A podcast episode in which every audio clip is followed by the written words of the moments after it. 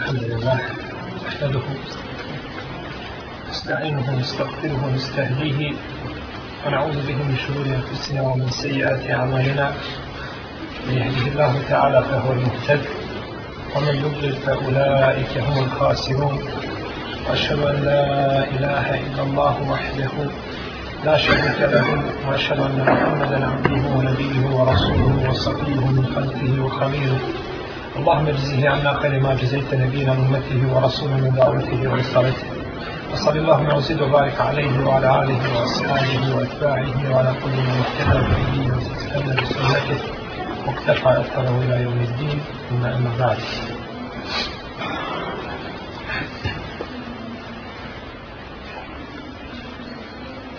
من آداب الخروج إلى الصلاة وما يفعل قبل الصلاة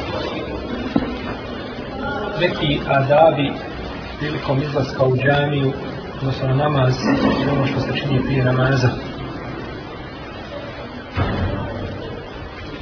Autor je spomenuo skupinu adaba koji se tiču izlaska u džamiju.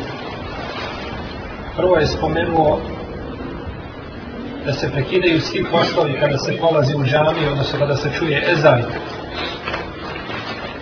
Radi riječi Aisha radi Allahu ta'ala anha, kako bilože Buharija, imam Kumiz i Ahmed i drugi, kada bi poslanik sallallahu alaihi wa sallam bio u svojoj kući, u službi svoje porodici, a pa kada bi došlo vrijeme namaza, ostavio bi sve i izišao u džamiju. Ovo nam ukazuje na dvije stvari. Prvo da je Resulullah sallallahu alaihi wasallam ostavljao poslove kada bi izlazio u džamiju, a druga stvar da je Allahov poslanik alaihi sallatu wasallam služio bio u službi svoje porodice. Kaže Aisha radijallahu djelana u hadisu, hadisu koga bilježima Mahmed i radio je, kaže, ono što ljudi rade u svojim kućama. Pa nam je ovdje dodala još jednu korist, Aisha radijallahu ta'ala anha, pa kaže, radio je poslanik sallallahu alaihi wa sallame, znači služio je u svojim kućama, kao obično, kaže, ono što rade ljudi u svojim domovima. Pa je potvrdila da je poslanik sallallahu alaihi wa sallame služio svoju porodicu i da su ljudi u to vrijeme, to jeste ashabi poslanika sallallahu alaihi wa sallame, šta? Radili ono što mi smatramo da je pavrno čovjeku da radi na tu mladu i njegovu muškost, i da to se nikako ne smije desiti. To su radili oni koji su bili najbolji muškarci, i najbolji muževi, i najbolji očevi, i najbolji muđahidi, i najbolji, najbolji, i do sudnjeg dana, nikada se takva više generacija neće pojaviti na zemaljskoj Kaže, radio je ono što muškarci šta, radio u svojoj Znači, bila poznata stvar da je poslanik, ali sam kako došao od Isu, sam se višio popričao ako se prekine onaj kajiš na papućama ili, ili da je sam šio odjeću i gubma i tako da je sve to došlo gdje dostavim hadista, da je se ovo basalo ovako ali sve tako šta činio. A kada bi došlo na jedne ramaza, sve bi to ostavio, ništa nije treće od, od namaza. Druga i treća stvar, da se uzme abdest kada se pođe u džaniju i da se čini što više koraka pri odlasku u džaniju. Prenos je sa tebu horebe radi Allah vanu da je poslanik sa Allah rekao ko se propisno abdesti potom ode u jednu od Allahovih kuća da obavi jedan od Allahovih farzova misli se na namaz jednim korakom mu se dižu stepeni a drugim mu se prišu grijesi hadis bilježi vam muslim u svome sahihu. Toga su neki učenjaci selefa kada bi išli u džamije, pravili sitnije korake, da bi bilo što. Jer ti si nagrađen po koraku, je tako? Pa ne ide u prilog onome koji ima dug korak, to ne ide u prilog, je li tako? Jer je nagrađen po u koraku. Po koraku. A ovdje bi mu sada šarijak, se prenosi da je poslanik sa osrem rekao najviš, najveću nagradu imaju oni koji najviše pješače ili koji su najdali u džanje. Najdali pa najdali, znači najdali pa najbrži, jel? Kako čovjek dalje ima veću šta nagradu odlaska u džanje. I danas jedno malika se prenosi da je Benu Seleme pleme da su htjeli da se premijeste u džamije. Pa je poslanik Hvala Sam rekao, zar ne želite da vam se pišu vaši koraci? Pa su ostali na svom mjestu. I ovom prilikom je objavljen jedan ajet koji ćete vi potražiti za naredni put. ovom prilikom vezano za Benu Seleme i njihov prelazak u bliže džamije objavljen jedan ajet. Pa pokušajte potražiti na jednog puta koji je to ajet da ne pitate nikoga od Darije. Pa smo ostali tu gdje jesu. Znači nisu se preselili do U hadisu džabira, koji je poslanik za osrme zabranio, rekao, vi imate za svaki korak nagradu. Čak se sjećam u jednom hadisu da je jednom od tih ljudi jedan čovjek kazao, zbog čega sebi ne kupiš magarca da ga jašiš do džamije, kaže, ja volim da mi se pišu, šta, koraci, koračanje do džamije.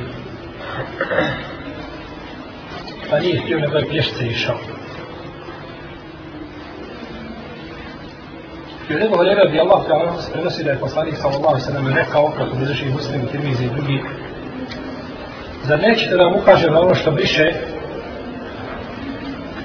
čime briše Allah vaše grijehe, podiže vaše stepene, kazali su svakako Allahu poslaniče, kaže upotpunjavanje abdesta kada je čovjeku mrsko, kada mu je šta? Kada mu je hladno, kada je bolestan, kada je mrzovodan i sl. O tome je posebno tada šta? Jer tada se čovjek abdesti na brzinu. Pa i ne uzme abdest kako treba ponekad.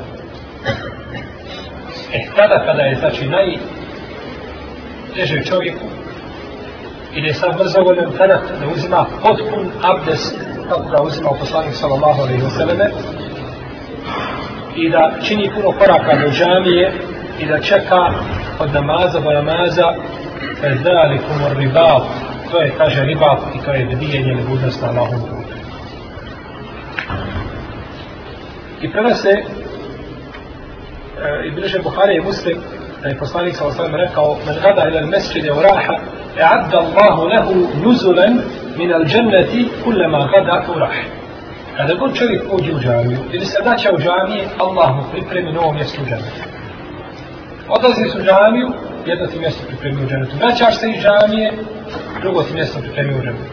Pa i odlazak tvoj u džamiju, i boravak u džamiji, i povratak iz džamije, sve je to kaj i nikada čovjek nije na gubitku. Pa su najsretni, najnesretniji oni koji kažu da gube vrijeme pri odlasku u džami ili boravku u džami, sve što tome, gube vrijeme na drugom mjestu, a ne gubi se vrijeme, vrijeme se ne može izgubiti u džami, ako se drži čovjek normi, koje je uspostavio Rasulullah sallallahu alaihi wa sallam. Da čovjek odlazi da požuri u džamiju i da porani to je četvrti sedem koga je spomenuo autor pa od Ebu Horeira radi Allah da Allahom se prenosi da je poslanik sa Allahom sveme rekao kako bilježe Buharija muslim kada bi znali šta je u požurivanju na podne namaz da čovjek porani natjecali bi se ko će više poraniti i da znaju šta je pa sabah u jaci došli bi tamani kuzrujući u džamiju. I kada bi znali šta je u prvom safu, ne bi dozvolili da ih uđu prvi saf, osim da se kocke bacaju, odnosno da se natječu ko će prvi doći u saf. A poslanica o svojme kaže u hadisu, koga bliže Buhare i Muslim, kada uđe u džamiju, on je u namazu sve dok ga zadržava namaz u džami. Pa kada je čovjek ušao u džami podne i čekao ikindije, on je u namazu do ikindije. Tako do akšama, tako do jacije, bio bi znači cijelo vrijeme u namazu. Peta stvar jeste dolazak u džamiju mirno, bez žurbe. Od epoka tada radi Allah kala ono se prenosi da je rekao, kanjali smo da poslanikom sallallahu sallam je pa je čuo a, udisa i izdisa je tanjača. Pa kada je zvršio namaz, rekao je šta vam je? Pa su kazali, požurili smo na namazu Allahovu poslaniče. Pa je rekao, nemojte tako činiti, kada dolazite na namaz, dolazite smireno i polahko, pa šta stignete, klanjajte za imamom, a šta vas je promaklo, naklanjajte. Znači, bez imalo žulbe da se ide u džamiju, a u predaj Ebu Horeira radijallahu anhu koji isto bilježe Buhari i Muslim kao i prethodu, kaže poslanik sallallahu alaihi wa sallam, kada činete i kamet, idite na namaz mirno i spokojno. Čuo se i kamet iz daleka, možda se i kamet uči na mikrofon, pa se čuje polako ide dok ne dođeš u džamiju, pa kaže poslanik sallallahu alaihi wa sallam, ne žurite ono što ste stigli, klanjajte, a što vas je promaklo, naklanjajte.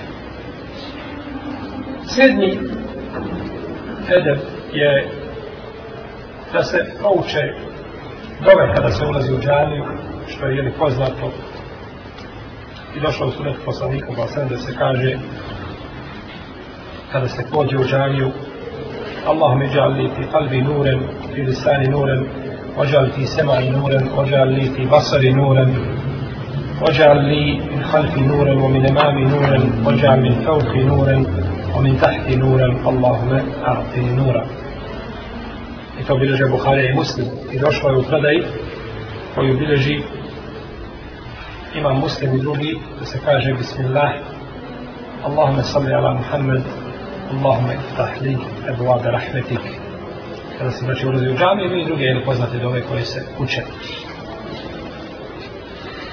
šesta stvar da kanjač ne prepliče svoje prste znači da ne prepliče svoje prste ovako u džami dok se nalazi čovjek koji se nalazi u džami, on je u namazu sve dok ga zadržava namaz da boravi u džami.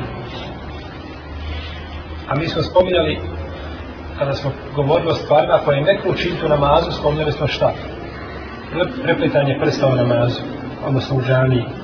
Kaže poslanik sallallahu sallam kako je došlo od Isra Buhrede, koga bliže vam Haki i Ahmed, i koji, šala, ima dobar lanas prenosilaca, može se pojačati zbog mnoštva puteva, kada od nas neko uze abdest i ode u džamiju, on je u namazu sve dok se ne vrati, pa neka ne radi svojim prstima ovako, potom je prekrao prste poslanik sallallahu alaihi wa sallam. A međutim, imam Buharija u svome sahibu nastavio poglavlje tešpiku na sabe ili mesečidi pomeri. Pa Pretretanje prsta u džami na drugom mjestu imamo hadis koji kaže da to šta? Zabrajem čin tu džami. A imam Buharija da slobija poglavlje, prepetanje prsta u džami. Šta ćemo se imamo Buharija? Da će da ukaže na da nije dozvoljeno. Da je pokuđen. Bravo. Isto ako za Bajram. Bravo, baš tako. A, imam Buharija ponekad nastavi poglavlje, nastavi poglavlje pa navede nešto što ukazuje suprotno tome poglavlju. Kao što je rekao Fred za Bajer. Šta za Bajer? Ko zna? Et. Namaz prije i posle. Namaz prije i posle Bajrama. Ima Buharija kada su ome poglavlje, u tome e, sahiju, poglavlje namaz prije i posle Bajrama. Potom je spomenuo hadis ibn Abbasa, a poslanik sam sam nije pao ni prije ni posle čega Bajrama. Pa šta se onda naslovio poglavlje tako da ukaže da nema namaza prije ni poslije čega? Bajrama. No, međutim, ovdje nije tako uradio. Ovdje nije taj slučaj. Ovdje je drugačiji slučaj. Ovdje je raspovio poglavlje da ukaže da ima prepustavanje prsta u džaniku. Je se dešavalo da je poslanik sa osam Znači nije šta, nije kao Bajrama iako bi to bilo lijepo tomačenje, da nije dokaza koji kazuje da je to poslanik sa osvim radio u džami. Pa nisu, Abdullah ibn Amra, da je to poslanik sa osvim, da je pokazao tako prstima, kao što je pokazao, el mu'minu li mu'minin, el bunijan, je šuddu ba'du hu ba'du. Jedni kjeru koji je pao jedna tvrđevina, jedan drugog, znači učvršćuju. Pa je prepao svoje šta? Prste. Pa je to prepletanje prsta u džami dozvoljeno da čovjek pojasti nešto ili da ukaže ili da na neki način objasni određenu stvar koja se, da kažemo, vjernik je vjerniku kao tvrđevina jedan drugog podupio. I kažemo, vjernik je vjerniku kao tvrđevina jedan drugog podupio. Šta je lakše za razumijeti? I što vas tada gubi pravo srcu? Prvi je drugi način. Drugi način, kada se to praktično prikaže. E ako je to prikazivanje, da imam se popljena na da kaže ljudi, budite braća. A nemojte se cijepati i razvajati. To nije pogled. Jer je došlo u sunetu što ukazuje da se može odraditi ako ima za tim šta. Potreba. Ne uđutim da čovjek sjedi u džami, sjeo u džami, ne slomio se, gleda u stubove džami, stil uči Kur'an i stavi ovako ruke. Ima li potrebe za tim? Nikakve ne. E sada bi to bilo pogled. Pa znači treba uvijek spojiti šta? spojiti hadis. Najlakše ne bi bilo da kažemo, nema nije vam Buharija znao. Kao što danas kaže jedan, kaže u Buharinom sahihu ima tri stotine lažnih hadisa. Tri stotine lažnih hadisa u Buharinu. Zbirka Ibn Mađe je najslabija zbirka od šest, pa ima samo 39 a on uspio 300 iskopati u Buharinom sajdu.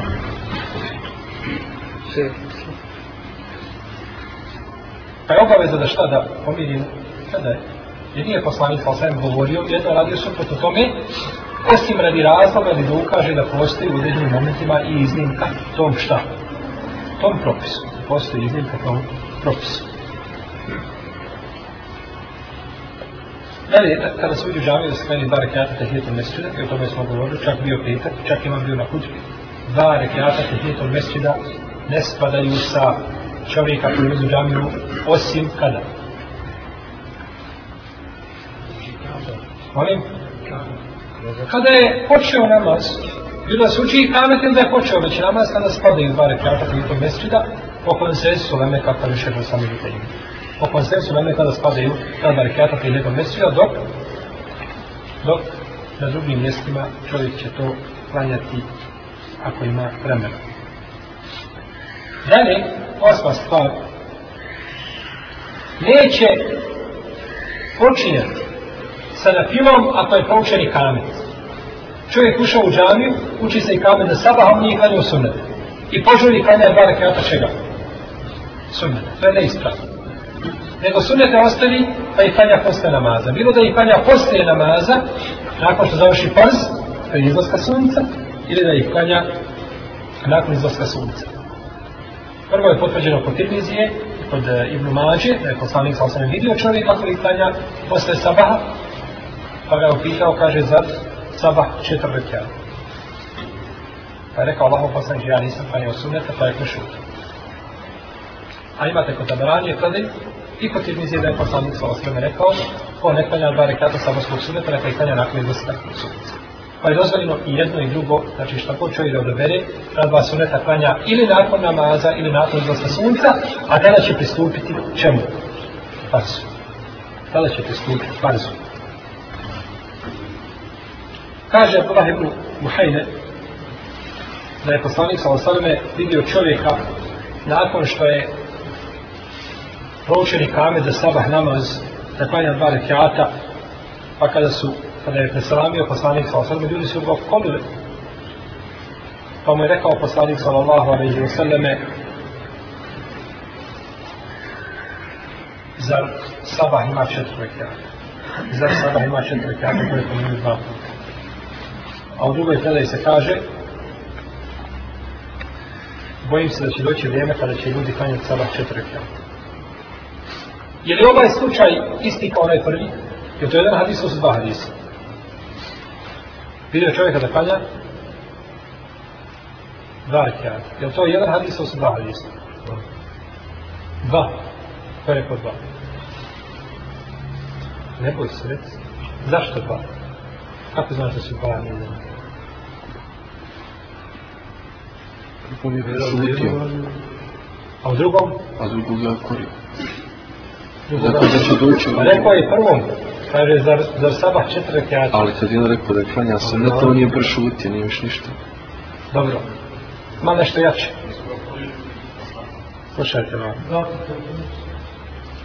Kaže, vidio je poslanica osvrme čovjeka nakon što je proučio i klame da klanja dva rekiata.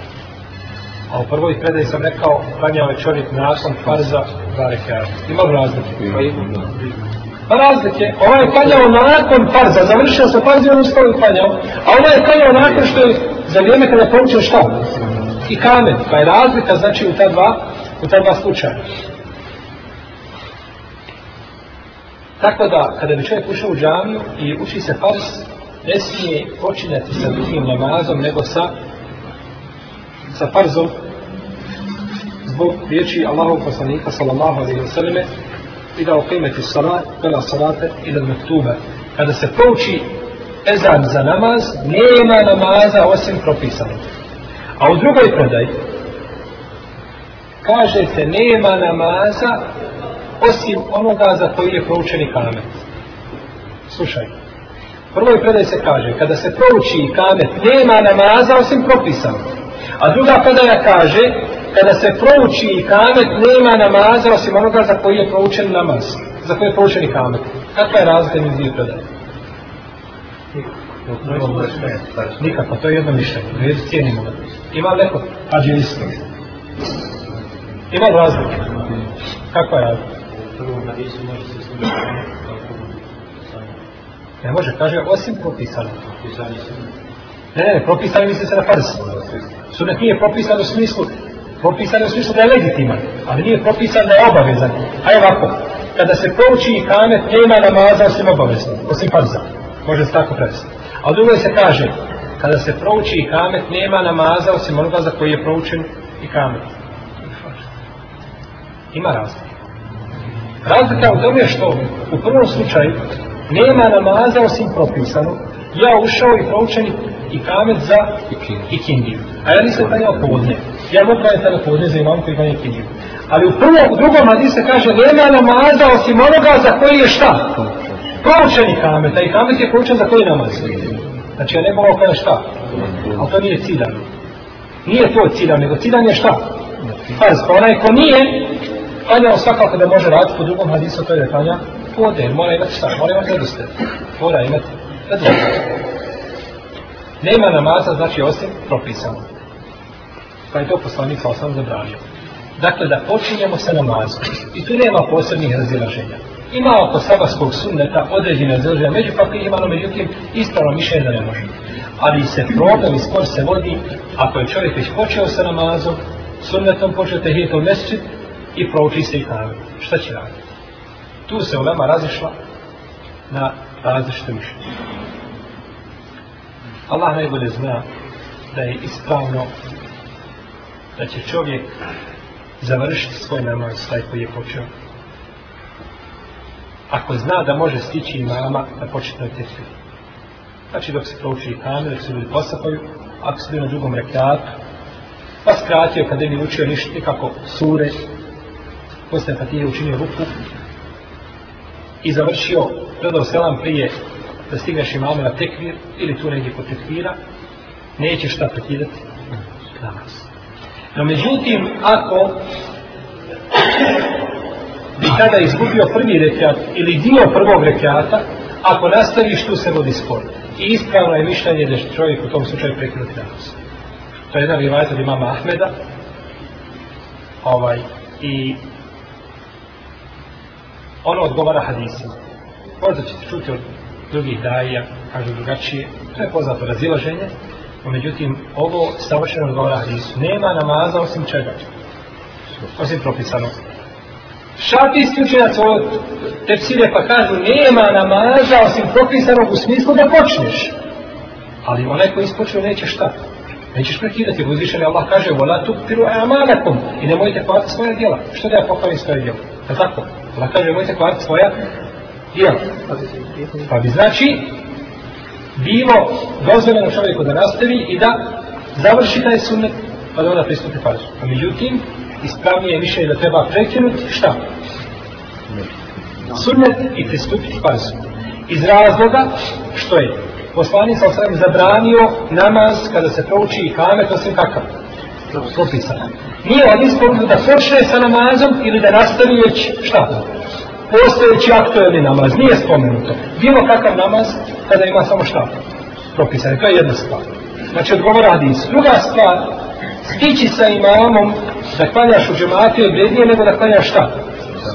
Sunnete u redu. Kada poslanik sa osadom kaže u hadisu i gnomara da je namaz u džematu vredniji 27 puta nego namaz pojedinca, na što se misli? Na Namaz farz podne u džematu je bolji za 27 puta nego da podne kanja šta? Sam. U redu. Šta mislite onda farz namaz sa imamu u džematu odnosno na sunnet? Ako je vrednije od farz, od farz od 27 puta, šta mislite onda koliko od sunnete? Možete nas samo 270 reći tvoje, šta Allah zna koliko mi to ne znam. No, međutim, šta je sunnet u odnosu na farzi, ako je sunnet svakako ima svoje mjesto, međutim, ne može se sunnet porediti nikada sa farzom, sunnet nije obavezan. I najviše čime se rob približava Allahu Tebara Kvetala ta jeste šta? Ono što mu je propisao. I ne možemo se približavati na filama ako ne potpuni farzove. Tako da je ispravnije mišljenje da se ovo, da se ovaj namaz prekine i prekida se predavanjem salama. Jer je početak namaza šta? Tekvir, a završetak selam. Bio si u kom si položaj, u kom si predaj selam i pristupi za imamu, to ti je preče i bolje, ako nastavi, ima uleme koja je to kazala da može, što je da neće biti griješan. Međutim, preče je da stigne sa imamom i da kanja sa njim u džematu. Ibn Hazm, Ibn Muhammed Rendelusi, rahimahullahu ta'ala, kaže da kada se prouči ikamet tog propisanog namaza, da je taj ikamet pokvario tvoj namaz. Ti kadaš tehijetom mesti na prvom srekjatu ili na početku drugog i ne možeš završiti i počne imam da počne mu jezik da uči Allahu ekber, Allahu ekber, Allahu ekber, Allahu ekber, i kanet, jel? Ovo ovaj je naš koga uči ovo, ovaj, koji isto tako isprava. Kaže, tvoj je namaz šta? Pokvarim, ja žem potrebno. Zato nemaš potrebno kod Ibn Hadna šta? Predavat selam. Čovjek koji mu namaz izgubio abdest, ne bada predat selam. Gotovo je, on je završio svojim namazom. Tako je ovo. Daš nešto što je pokvarno tvoj namaz i ti moraš te stupićama Pazi. To je potpuno, znači ono globalno shvatanje čega. Što znači kad bi bio prije predavanja se ono je neko poučio i kao ono da bi to što pokvarno, a ne bi pokvarno, ispravno je da, ne bi to pokvarno.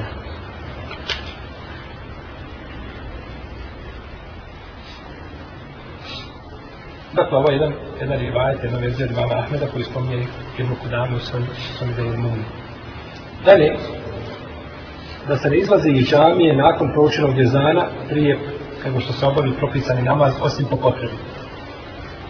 Kaže Ebu Šafa, sjedili smo u džamiji sa Ebu Horerom radi Allahu Talanhu, pa je mu jezin proučio ezan, pa jedan čovjek istao i izišao iz džamije, pa ga je pratio svojim pogledom dok nije izišao.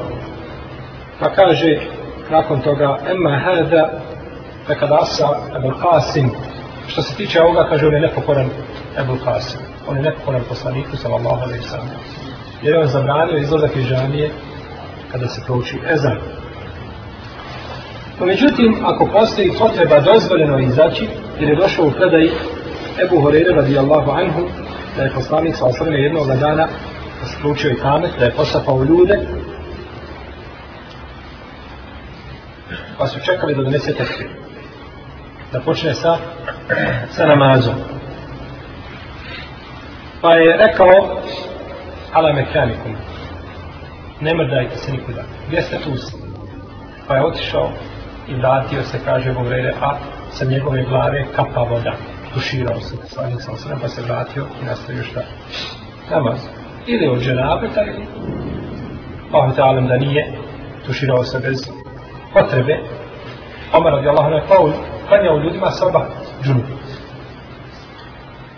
Pa su ljudi otišli, pa on nakon toga sam na klanju namaz. A pa nije prešao da su ti ljudi šta je klanjavao i posao. Što mislite kada danas hlađe u džami i klanja u džunu namaz, Saba i kada je tu ljudi saznali da on ima klanja Saba u džunu?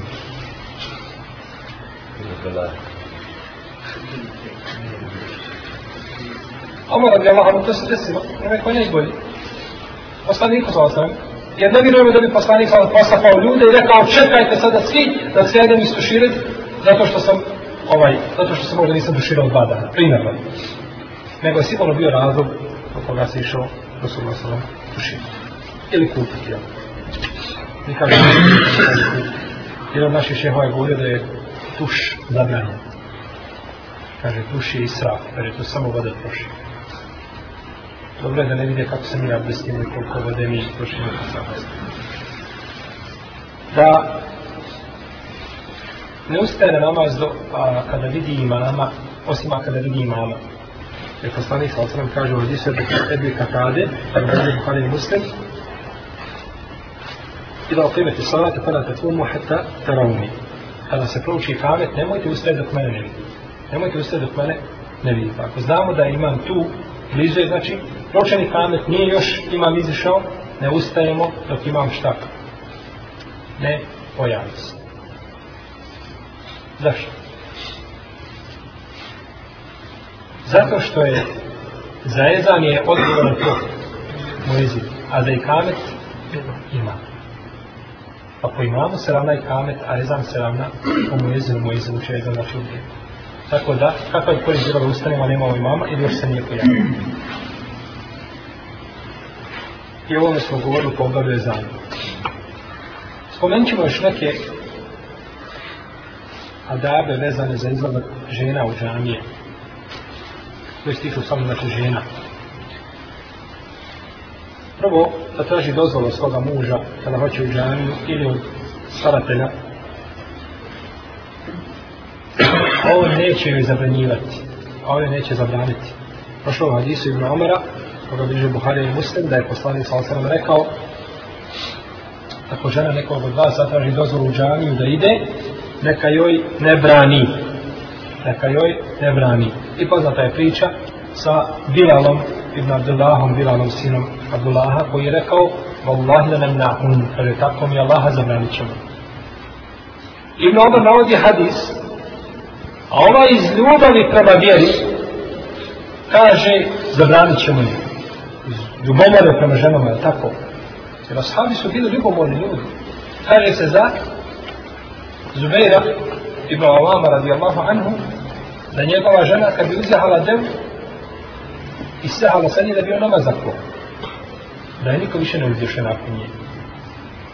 Znači takva je ljubomora bila da konja, bilo šta uzješe nakon toga ta je životinja zaklanja.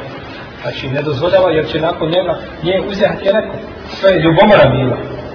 Ovdje ljubomora Abdullaha je prema vjeri, Bilala. Ali je njegova ljubomora šarijetska? Nije ovdje bila. E kažemo čim kako je pa začuvan. On je tabin. No međutim, njegova ljubomora nije šarijetska. Ovdje je njegova ljubomora bila kakva? Emocija. Emocija. Lijepo. I to treba čovjek da ima, to pomanjkava kod muškaraca. No međutim, On kaže, rekao je poslanik sa osrame, nemojte im braniti. I on kaže, tako mi Allaha zabranit ćemo. Ja je rekao, pa dobro, zar ne vidite šta su danas žene uradile, kako se ponašaju. Primjer radi, kao što Ajša radi Allah to vam rekla, kako bih živao muslim u svome sahiju, da zna poslanik sa osrame, da vidi šta su žene uradile, nakon njega zabranio bi im da izlaze u džamije. Najbolje žene nakon sahabiki, kaže da zna šta su radile, on bi im to da oni bi izlazak u džamije. No, međutim, to nije dokaz da zabranimo šta? Izlazak, jer to je štihad čiji? Ađi. Ajša vas, jel, kada zabranio bi? Da li bi ne? Allah hvala. Ali poslanje sam rekao, nemojte im šta? Nemojte im braniti.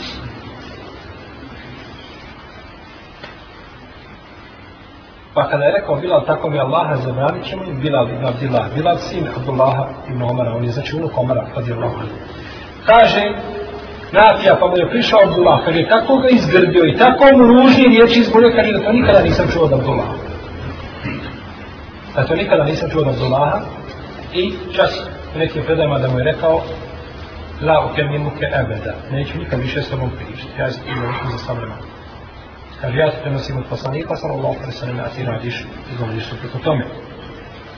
I bilože Buharija i Muslim, da je žena Omara radijallahu anhu izlazila u džamiju uvijek, izlazila u džamiju na sabah i na jaciju i padila u džamatu.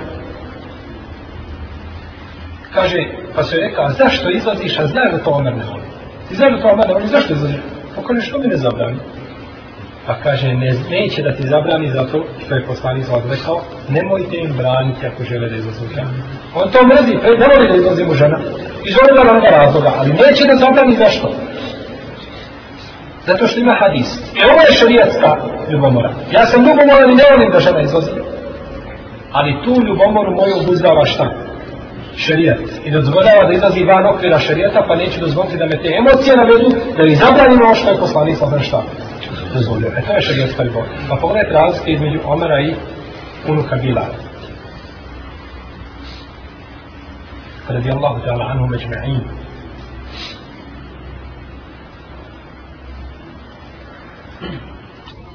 Ovo je svakako u slučaju da nema u izlasku žena, da nema fitneta, da nema nešto što bi skrenavilo njenu čast ili bilo opasno po nju izlasku.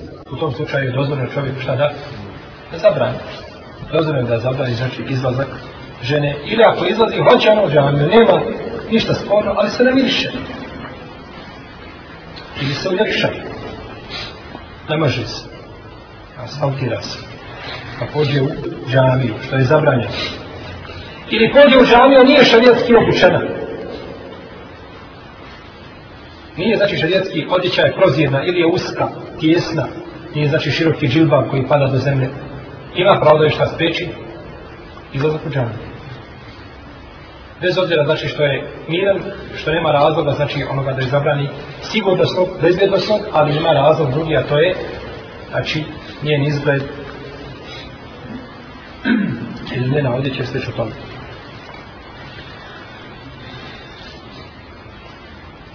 Žena kada izgleda u džamiju ne smije se namirisati.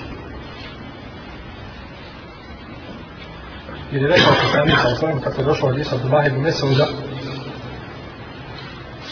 došao u Bahe Zainabe koja je njegova žena da je kazala rekao nam je poslanik sallallahu sallam kada pa neka od vas iziđe u džamiju, neka ne koristi miris. I rekao je poslanik sa osvom, nemojte braniti Allahovim robkinjama da izlaze u džamije i neka izlaze nenamirisane. Nenamirisane. I rekao je Resulullah sa osvom u jednom hadisu koja žena iziđe namirisana, neka se vrati svoje kući, neka se okupa kao što se kupa u džanabetu kaže fe inna azamija, ona je nemoralnica. Znači, žena se namirisala, stavno mirisa svoju ruku, samo jednu kačku stavila svoju ruku, ništa drugo. Ili na vrh prsta stavila kačku, mirisa. I pošla u džavan i izašla napolje, kad se vrati u kuće, ne vredi da opere to. Mora se ići okupati od glave do pijeti. Ono to gleda opere, nestalo je, tako nema ništa. Ono međutim ne vredi. Mora se okupati od glave do pijeti za razliku kada bi stavila miris u svojoj kući, pa pođe napolje, da misle na svome mužu, i pođe napolje da ono da opere mjesto gdje ima šta, mirisi da je da nema čega, više tu mirisa, to je dovoljno. Ali kada bi se namirisala, izvišla napolje, ne vredi da opere samo to mjesto, nego mora se okupati od glave do pijete.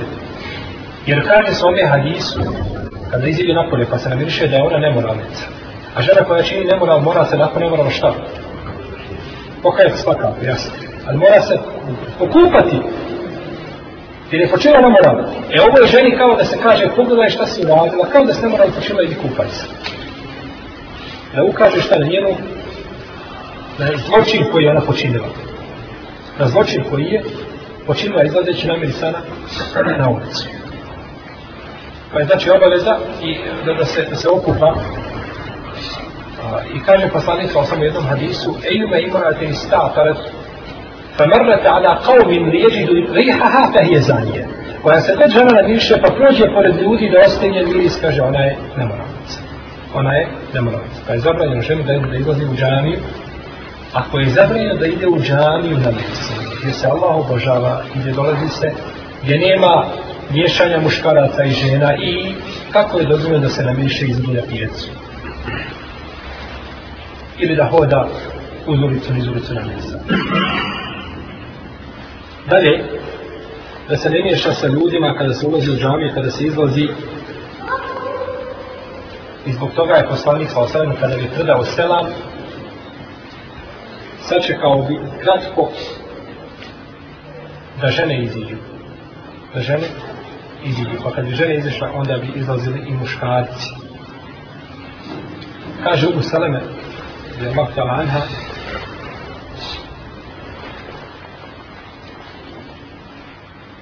kada bi poslanik sa osam predao selam, žene bi ustale i izlazile iz džamije, a on bi ostao kratko sjediti na svom mjestu prije nego što ustane. Mislimo, Allah najbolje zna, kaže mu selam da je počinio radi toga da žene iziđu prije nego što ih pristignu muškarci. I ovu predaju je Imam Buhari u svome sahibu. Znači pa je E, iz tog razloga je poslanik sa osam zabranio ženama da dižu glave sa seždi prije muškarca. Žene koje kanjaju u istoj džami. I nije zabranio da žene kanjaju u istoj džami za muškarca. Tako se kanjalo u vrijeme koga. Ne, ne, poslanik sa osam. nije zabranio, ali je odvajanje poslije u kućan spolje, svakako. Pa međutim, ako bi žene tako kanjale džami Pa je zabranio ženama da dižu glave prije muškaraca, da ne bi slučajno muškarci nešto se učilo s tim mjesta pa da ne bi gledali, nego prvo se muškarci dižu pa onda, pa onda žene. A najbolje svakako da ima, ovaj, da imaju posebna vata, znači ulaz za žene iz vas, tako da nema mješanja, da nema gužvanja na vratima muškarcima i ženama. I to je došlo nakon poslanika sa osana, već u vreme ashaba, i tabina se u džanijama, znači počele odvajati, počela se praviti posebna data za žene za ulaz u džaniju, jer znači to njima olakšava ulazak i izlazak iz, iz džanije. Allahu Teala, amen. Nakon ovoga autor je počeo sa poglavljem imaneta. Kamer imanet, pa ćemo išao pravo tome govoriti u našem narodnom imanu. Allahu Teala, amen. Allahu Teala, amen. Allahu Teala, amen.